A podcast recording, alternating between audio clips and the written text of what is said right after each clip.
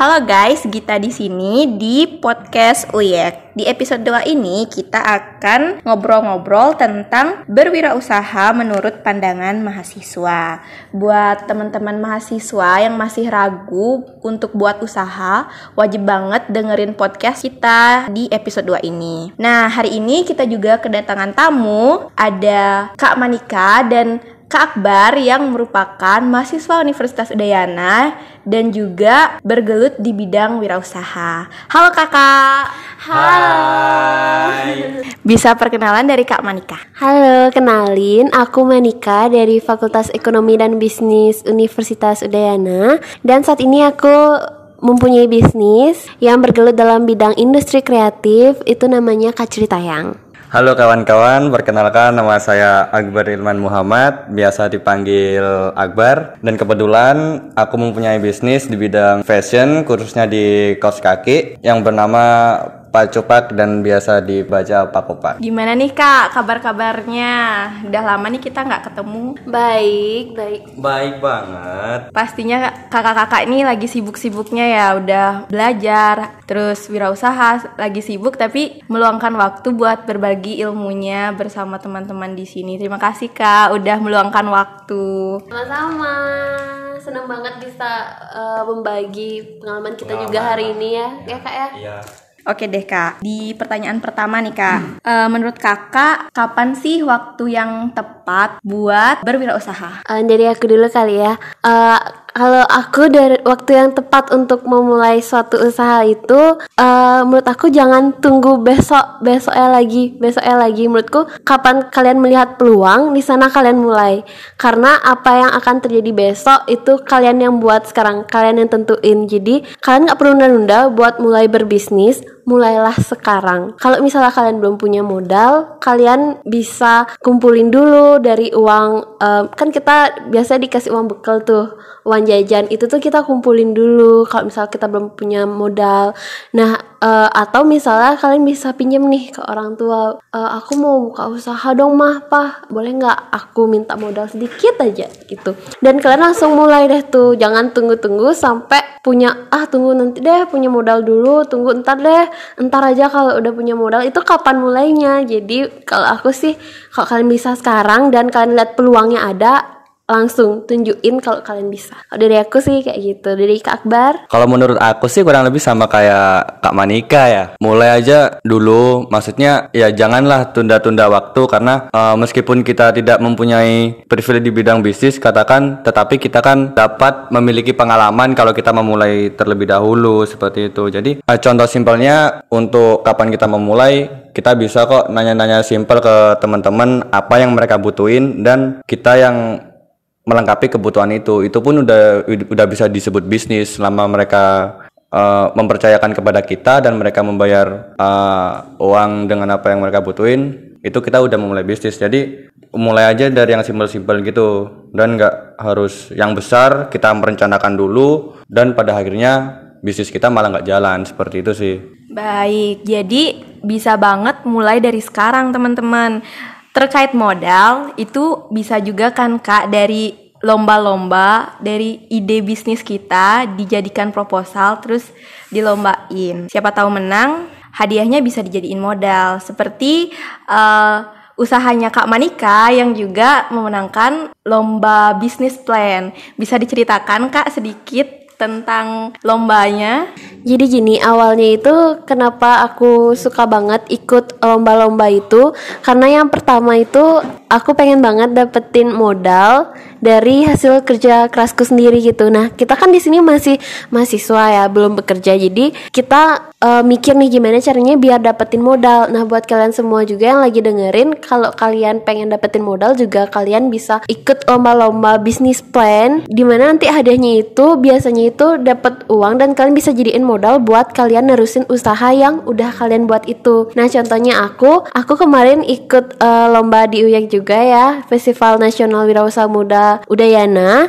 Di sana aku ikut bisnis plan competitionnya dan uh, kebetulan Astungkara aku dapat juara dua itu udah uh, bersyukur banget banget banget walaupun dapat juara dua. Karena dari aku menang itu aku dapat pengalaman juga gimana caranya kita berbisnis gimana cara kita mendapat uh, membuat bisnis yang baik kayak gitu. Dan kita juga dapat uang hadiah berupa uang yang nantinya kita juga bisa pakai itu sebagai modal kita berbisnis. Nah uh, di sana itu juga kita jalanin bisnis kita didanai oleh Kemendiktek itu yang bisa membuat bisnis kita itu makin berkembang lagi.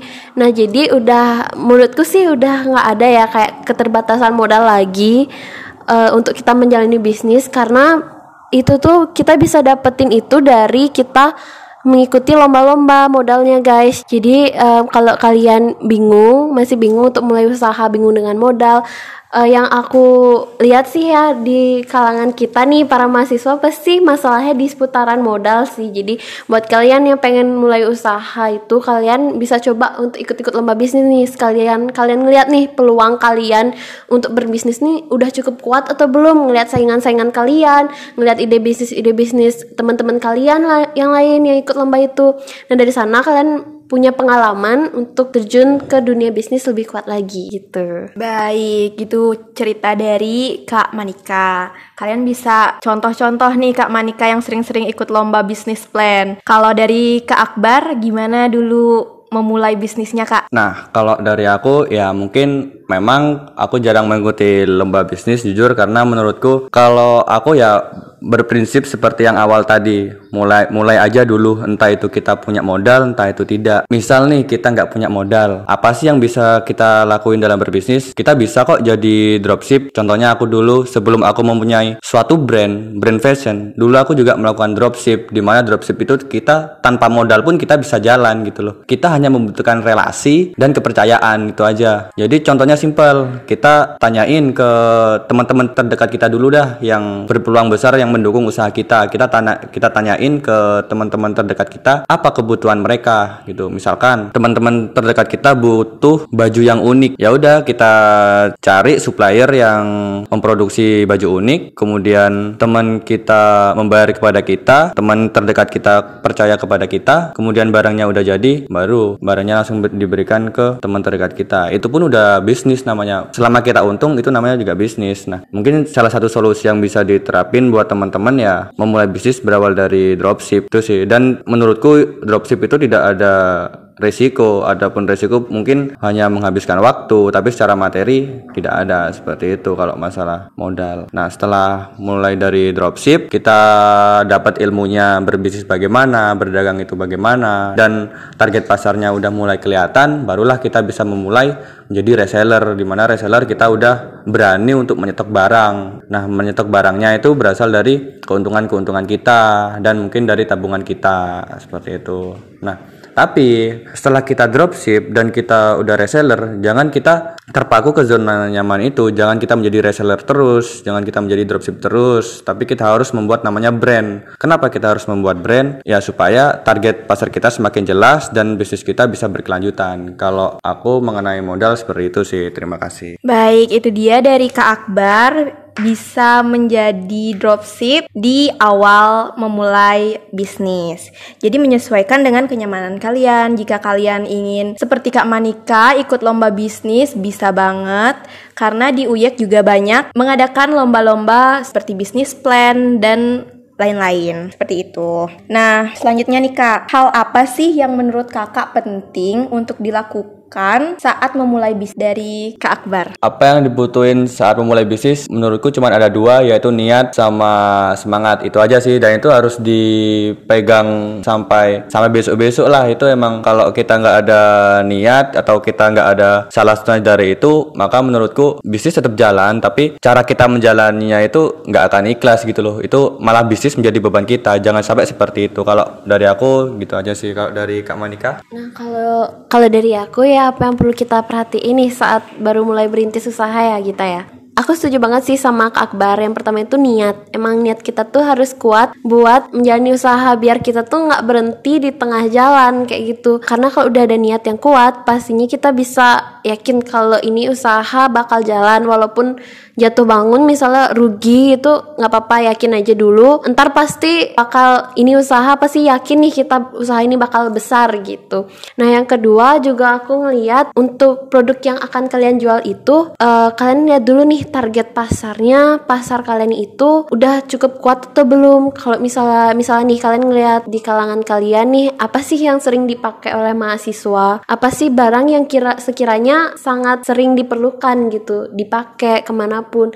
Nah kalau aku dari sendiri kan aku ngelihat dari mahasiswa itu produk yang sering dipakai itu tote bag. Nah tas mereka sering banget bawa ke kampus. Jadi kita perlu ngelihat peluang nih, peluang target pasar kita. Oh mahasiswa perlunya tas.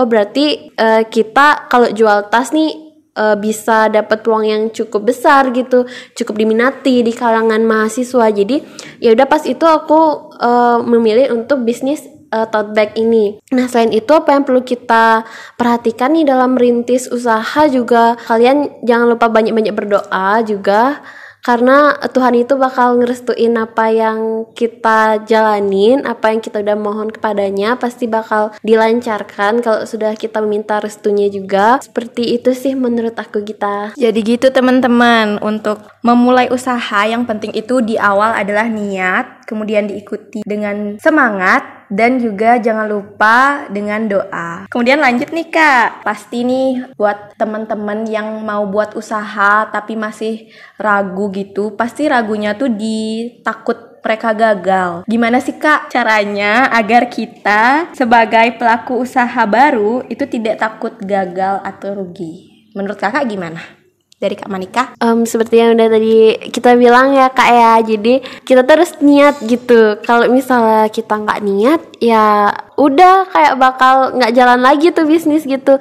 Jadi yang pertama itu niat aja. Kalau uh, jangan takut gagal. Kalau misalnya gagal, balik lagi pokoknya mati satu tumbuh seribu gitu deh pokoknya prinsip aku ya pokoknya kalau misalnya kalian gagal di bisnis misalnya kalian bisnis makanan uh, wah aku gagal nih di bisnis makanan. Kan buka lagi bisnis lain misal bisnis baju. Kalian lihat juga pinter-pinter ngelihat peluang nih. Peluang yang tadi udah aku jelasin tuh misalnya kayak target pasar kalian siapa sih? Tentuin juga peluangnya target pasar pokoknya biar gimana caranya bisnis kalian itu bisa tetap stabil. Apalagi di masa pandemi ini ya. Jadi susah banget emang bangun bisnis di masa pandemi ini. Jadi menurut aku kuat-kuatin niat aja, jangan takut gagal. Sekalinya gagal, kalian bisa coba ke berbagai jenis bisnis yang bisa kalian coba. Misalnya uh, makanan bisnis makanan. Kalau emang kalian ngerasa kurang di sana kalian bisa coba bisnis fashion. Uh, kalau aku sih kayak gitu ya dulu kita aku pernah nyoba bisnis aksesoris pernah nyoba bisnis makanan juga. Sampai akhirnya aku nemuin kayak bisnis tote bag ini bakal bagus deh peluangnya ke depannya. Kayak gitu sih dari aku kita. Nah, kalau menurutku caranya supaya kita nggak takut gagal, ya kembali lagi ke pertanyaan sebelumnya. Kita kuatin niat sama kita kuatin semangat karena kalau kita semangat apa pun kegagalan kita kita tetap belajar kita tetap berusaha mencari inovasi-inovasi baru bagaimana caranya bisnis kita tetap berjalan seperti itu dan misalkan kita takut gagal dan kita takut rugi, ya mulai aja dulu dengan modal yang sangat minimal atau dengan cara dropship di mana emang dropship ini emang emang sangat mungkin menurutku emang rekomendasi buat pemula yang uh, mungkin ya buat teman-teman yang takut gagal atau kehilangan uangnya. Karena dropship itu cara jualan tanpa bermodal seperti itu. Dan kita melakukan survei kecil-kecilan ke teman-teman kita mereka butuhnya apa kita menyiapkan barangnya kemudian mereka bayar itu udah udah bisnis. Gitu aja sih kalau menurutku. Nah itu dia jawaban dari kak Manika dan juga kak Akbar. Yang pasti sih di awal tuh harus ada niat katanya agar itu tetap jalan meskipun nanti gagal kalau udah ada niat pasti kita buat lagi gitu buat usaha lagi di depan. Karena dari kata Kak Manika tadi mati satu tumbuh seribu seperti itu. Nah Kak dalam berwirausaha itu pasti ada kan ketemu sama masalah. Gimana sih cara menghadapi masalah-masalah tersebut versi diri kakak sendiri agar nantinya masalah itu tidak menyebabkan kakak berhenti di usaha itu dari Kak Akbar? Kalau dari aku, bagaimana cara menyikapi masalah? Nah, seperti yang aku lakuin sekarang mungkin permasalahannya di aku sendiri itu yaitu di manajemen waktu. Nah, kita sebagai mahasiswa kan kita juga sering mengikuti kepanitiaan, kita sering mengikuti organisasi dan ada kesibukan-kesibukan lainnya sehingga kita harus benar-benar membagi waktu dengan baik gitu loh, membagi waktu dengan bisnis. Nah, yang aku lakuin gimana sih caranya membagi waktu itu? Ya, jika ada waktu kosong, kita udah membuat stok bahan konten untuk bisnis kita. Kemudian kita buat enjoy aja lah kesibukan yang kita lakuin ini. Cuman kalau menurut menurut aku ya selama kita menjadi mahasiswa pendidikan paling utama lah seperti itu. Kalau dari aku seperti itu. Jadi kalau menurut aku tips kita menghadapi masalah dalam bisnis kita itu kalau dari aku itu ya emang masalah waktu sih seperti yang tadi Kak Akbar bilang. Aku juga masalah di waktu jadi aku biasanya kan ada kuliah juga terus ada kepanitiaan juga ada organisasi dan segala macam jadi gimana caraku untuk pintar-pintar bagi waktu aja dalam membagi antara berbisnis, kuliah, sama berorganisasi. Nah seperti itu. Dan masalah yang sering aku hadapi juga selain itu sih karena aku juga ada timnya dalam membangun bisnisku ini. Jadi mungkin kita dari salah satu kita tuh uh, pernah ada yang merasa kayak nggak cocok atau ada yang merasa nggak nyaman gitu dalam kerja. Nah jadi kalau kayak gitu menurut aku dari aku sendiri aku lebih nguatin solidaritas antar aku sama timku dan gimana caranya biar mereka meningkatkan pelayanan prima mereka dalam bekerja sama sama timku itu. Gitu sih dari aku. Baik karena tadi Kak Akbar dan juga Kak Manika nyebut masalah yang mereka hadapi itu waktu gimana sih cara kakak mengatur waktu antara kampus, terus organisasi, kepanitiaan, apalagi kan Kak Akbar dan Kak Manika ini sangat padat ya di kampus. Gimana cara kakak mengatur waktu? Kalau menurutku sih, bagaimana cara kita mengatur waktu kapan kita berkuliah, kapan kita mengikuti kepanitiaan, dan kapan kita berbisnis, menurutku uh, tiga hal itu harus diseimbangkan gitu loh. Kuliah itu yang harus diutamakan bagaimanapun itu juga. Tapi ya bagaimana cara mengatur waktunya? Misalkan dalam berbisnis kita juga membutuhkan waktu kapan kita membuat desain membuat konten-konten dan kapan kita melakukan pemasaran kemudian kapan kita melakukan promosi yang tepat. Nah jadi menurutku kita buat timelinenya timeline dari ketiga kesibukan itu supaya tersusun dengan rapi gitu. ada kok aplikasi-aplikasi di internet seperti Team Up itu juga sangat berguna karena dengan adanya aplikasi seperti itu jadwalku bisa tertata rapi gitu. Meskipun aku tidak terlalu fokus-fokus tapi tidak terlalu fokus ke bisnis. Cuman karena aku konsisten buktinya bisnis bisnis pakopak sejauh ini masih jalan-jalan aja gitu loh. Menurutku yang penting konsisten gitu. Nah, kalau dari aku sih uh, yang pertama itu aku buat skala prioritas ya. Jadi di antara bisnis um, terus kuliah sama organisasi itu yang mana mau diprioritasin lebih awal gitu. Kalau misalnya aku ngeprioritasin emang kuliahku dulu, baru bisnis habis itu organisasi. Karena uh, kuliah itu kan ya penting karena tugas kita sebagai mahasiswa yang pertama itu pasti kuliah kan. Uh, yang kedua itu baru aku bisnis dan selanjutnya baru aku organisasi. Nah, kita juga pinter-pinter milih organisasi mana yang kita ikutin di kampus gitu. Jadi jadi biar waktu kita ikut organisasi juga nggak terlalu padat sehingga nggak ngeganggu jadwal kita belajar dalam berkuliah dan juga jadwal kita dalam berbisnis gitu dan misalnya nih aku dari Senin sampai Jumat itu aku paginya sampai siang itu berkuliah gitu. Nah, kalau urusan berbisnis itu bisa aku lakuin dari selesai kuliah itu sampai malam itu misalnya balas-balesin chat online di WhatsApp, di DM Instagram kayak gitu Nah, habis itu juga Jumat, Sabtu, Minggu itu aku pakai buat buat konten di IG uh, sosial media dari kacil tayang dari bisnisku gitu. Nah, uh, abis itu kalau untuk organisasi itu karena kan kita kebanyakan sekarang lagi online ya organisasinya, kepanitiaan juga lagi online banyakan. Jadi aku bisa nyambi-nyambi tuh dari kuliah atau berbisnis aku bisa buat uh, job desk dari kepanitiaanku di rumah. Pokoknya ya pintar-pintar bagi waktu aja dan jangan sampai juga uh, bisnis itu uh, jadinya kayak ketinggalan gitu gara-gara kalian berkuliah sama kepanitiaan. Pokoknya gimana caranya biar bisnis kalian ini jalan juga terus kuliah kalian jalan juga dan organisasi juga jalan. Karena menurutku ketiga hal itu udah jadi makananku sehari-hari ya. Jadi itu penting banget sih buat aku. Jadi Senin sampai Jumat itu kuliah pokoknya Sabtu Minggu itu kalian bisa pakai buat desain atau konten-konten di konten TikTok lah pokoknya buat di bisnis kalian gitu. Biar IG kalian juga makin kece juga biar makin inovasi juga. Kan zaman sekarang pada banyak tuh konten-konten all shop di TikTok dan segala macam. Nah kayak gitu sih dari aku. Itu dia teman-teman. Tips mengatur waktu dalam berbisnis ala Kak Manika dan Kak Akbar. Yang pertama uh, membuat timeline kemudian harus mempunyai komitmen, dan membuat skala prioritas. Selain itu, kita juga harus menjalani bisnis itu dengan santai. Seperti itu. Nah, udah masuk ke pertanyaan terakhir nih, Kak. Gimana sih tanggapan dari Kak Akbar dan Kak Manika tentang orang yang berprinsip fokus satu saja dulu agar nanti hasilnya maksimal? misalnya uh, fokus ber menjadi mahasiswa dulu usahanya nanti gitu misalnya kak. Gimana tanggapan dari kakak? Kalau aku sih uh, fokus satu saja gitu tanggapan or ngelihat orang yang fokus satu aja dulu biar hasilnya bagus gitu ya. Kalau aku sih karena aku biasanya ngambil banyak kerjaan gitu sekaligus jadi aku ngerasa kalau misalnya prinsip kayak gitu bagus ya. Kayak jadi kita fokus untuk satu hal tersebut dan nanti jadinya juga nggak gagal gitu jadinya bagus. Nah sama juga kalau misalnya jalanin kuliah nih kalau kita kuliah fokus fokus kuliah aja itu emang bagus gitu.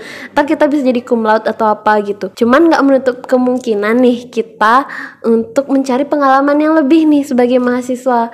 Kan uh, kita ini dalam mahasiswa itu uh, wajib ya untuk memiliki banyak teman gitu. Sehingga nanti itu uh, bakal jadi prospek yang bagus buat ke depannya gitu. Nah jadi menurut aku kalau bisa dua kenapa satu gitu loh. Jadi kalau kita juga bisa berbisnis sama berkuliah apalagi sama kepanitiaan juga itu malah lebih bagus menurutku. Walaupun emang nggak semaksimal kita ngerjain satu aja gitu misal kuliah aja gitu nggak sebagus hasilnya kayak gitu.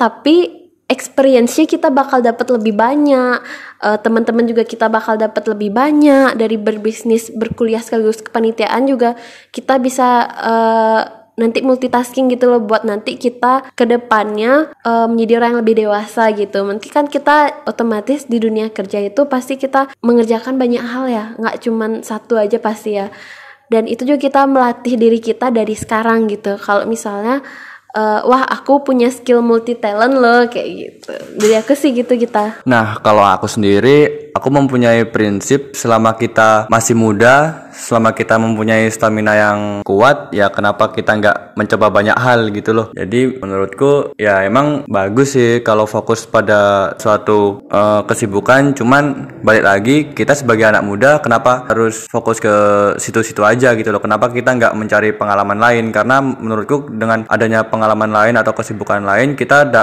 kita dapat banyak kok feedback yang kita dapatkan meskipun kita sibuk gitu loh. Nah kalau menurutku kita boleh membagi konsentrasinya itu seperti kuliah dan berbisnis, tapi tetap aja kita harus memprioritaskan salah satu dari kedua hal itu seperti itu. Jadi uh, kembali lagi ke teman-teman, misalkan pilihannya apa? Misalkan kita sibuk di kuliahan atau kita sibuk ke bisnis, kembali ke teman-teman lagi teman-teman lebih lebih ingin memprioritaskan ke kuliah atau berbisnis begitu. Jadi intinya ya selama kita masih muda, selama kita masih mempunyai stamina yang banyak, kita masih bisa bergerak dengan sangat lincah gitu kan. Kenapa kita harus menyanyiakan eh, harus terfokus ke satu kesibukan gitu sih. Jadi gitu teman-teman, menurut Kak Akbar dan Kak Manika, berfokus pada satu tujuan itu bagus, tapi lebih bagus lagi kita bisa mengambil lebih banyak. Tapi tergantung juga ke kenyamanan diri masing-masing, seperti itu.